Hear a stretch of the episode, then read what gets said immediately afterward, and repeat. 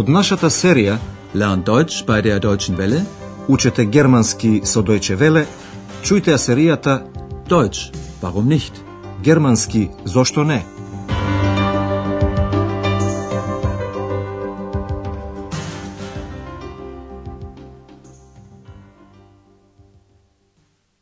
Liebe Hörerinnen und Hörer.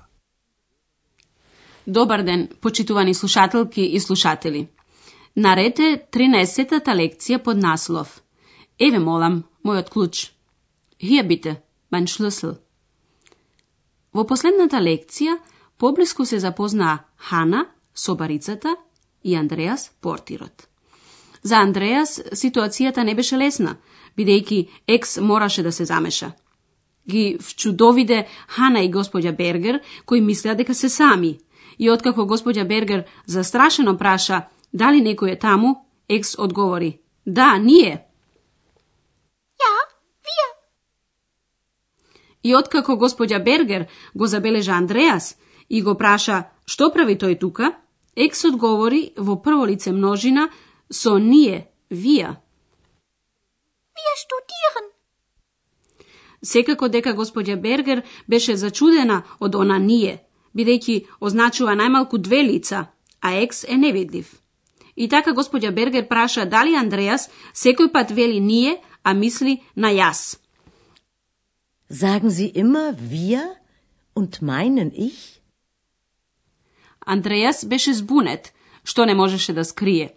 Хана ја олабави ситуацијата, представувајќи се како собарица. Na ja, also ich bin Hanna, das Zimmermädchen. Секако дека во еден хотел нема секој пат време за подолги разговори. Изутрината во хотел Европа е живо. Луѓе влегуваат, излегуваат и сакаат нешто да прашаат. За вас подготвивме четири кратки сцени. А сега, еве го првиот настан. Ваша задача е Што му дава господин Мајер на Андреас? Што вели при тоа господин Мајер? Guten Morgen, Herr Meier. Wie geht's? Danke, gut. Hier, mein Schlüssel. Danke und einen schönen Tag noch. Auf Wiedersehen.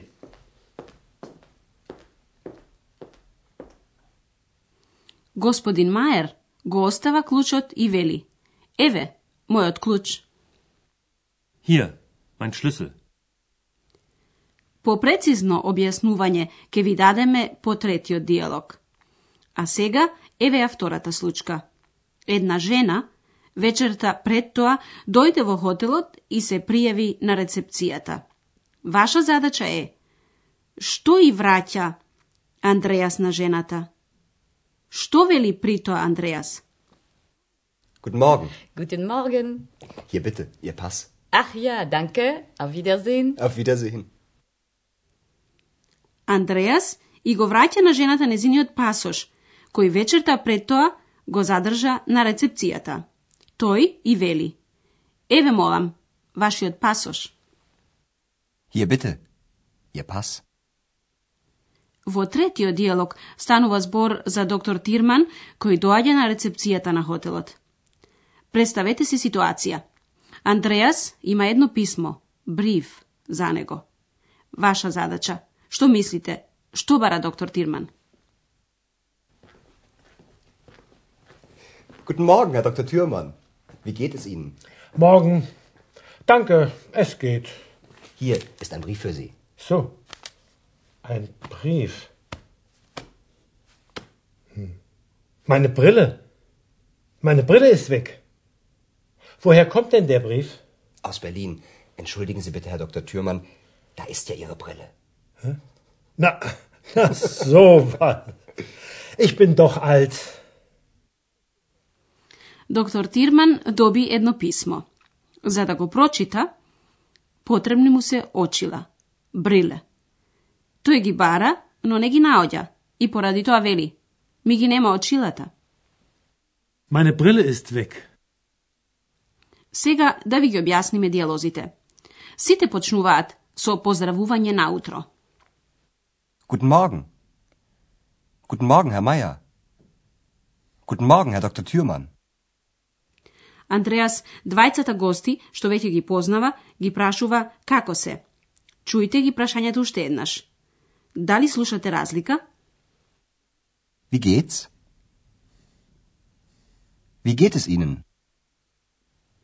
Првото прашање до господин Мајер, Андреас го формулира како до некој близок. Како е? Wie geht's? Обраќањето до доктор Тирман е поформално, поучтиво. Wie geht es Ihnen? Според расположението ти одговараат. Господин Мајер вели, благодарам добро.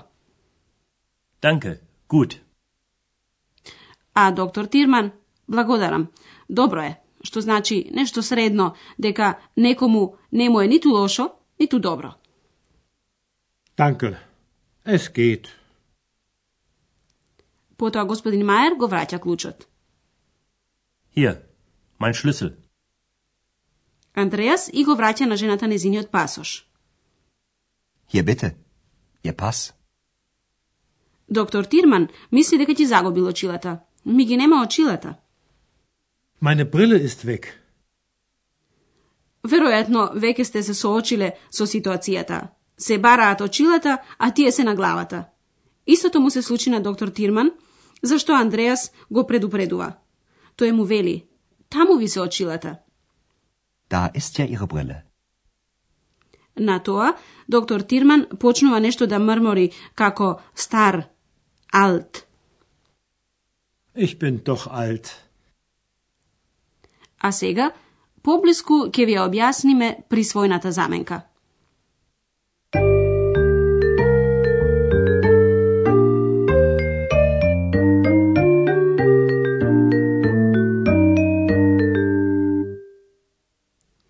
Ако се зборува за предмети или лица кои ви припаѓаат, во прво лице множина се вели мое, mein, или моја, meine. Mein Schlüssel. Mein Schlüssel. Meine Brille. Meine Brille. Исто како и при неопределениот член ein, пред именката од машки или среден род, се наоѓа присвојната заменка mein. Der Schlüssel. Ein Schlüssel. Mein Schlüssel. Hier, mein Schlüssel. Das Bier. Ein Bier. Mein Bier. Das ist mein Bier. Присвојната заменка meine ја користиме пред именката од женски род, како и eine. Die Brille. Eine Brille. Meine Brille. Meine Brille ist weg. Кога му се обраќаме на некое лице учтиво, присвојната заменка гласи ваш, ihr или ваши ihre. Ваш пасош, ваши очила. Ihr Pass. Ihr Pass. Ihre Brille. Ihre Brille. Учтиво обраќање во второ лице еднина со вие, зи, ihr се употребува значи за именка од машки или среден род. Der Pass. Ihr Pass. Hier bitte. Ihr Pass. Das Geld. Ihr Geld. Hier bitte, Ihr Geld. Ihre se upotrebova za imenka od ženski rod. Die Brille. Ihre Brille. Hier bitte, Ihre Brille.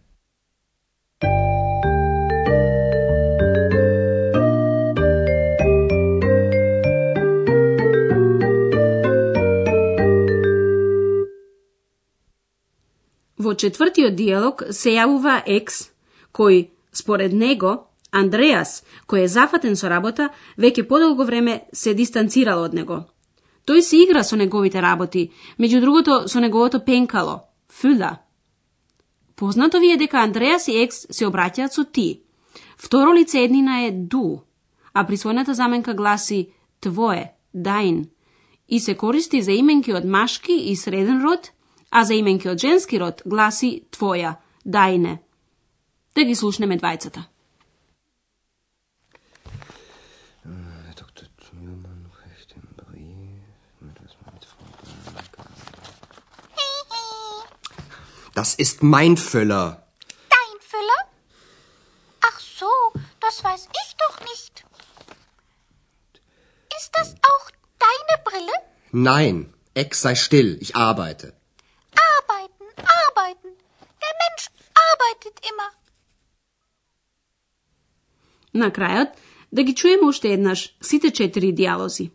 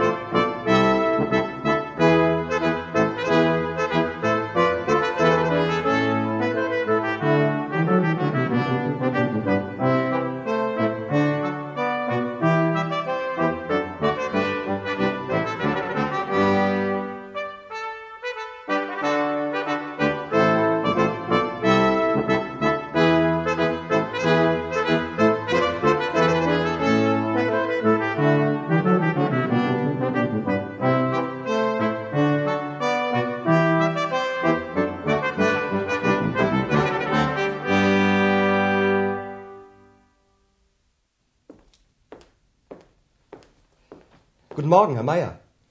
Wie geht's? Danke, gut. Hier, mein Schlüssel. Danke und einen schönen Tag noch. Auf Wiedersehen.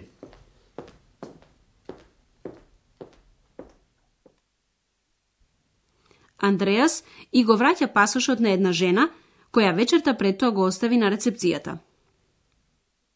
Guten Morgen. Guten Morgen.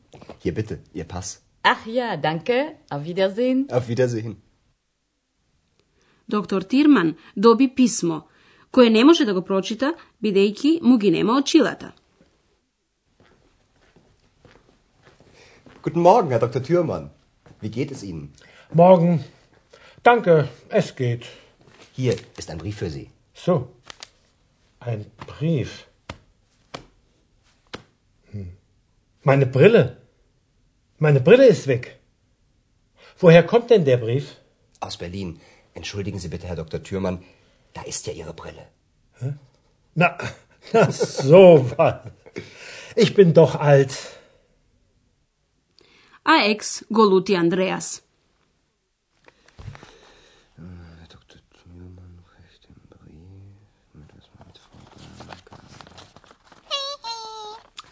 Das ist mein Füller. Dein Füller? Ach so, das weiß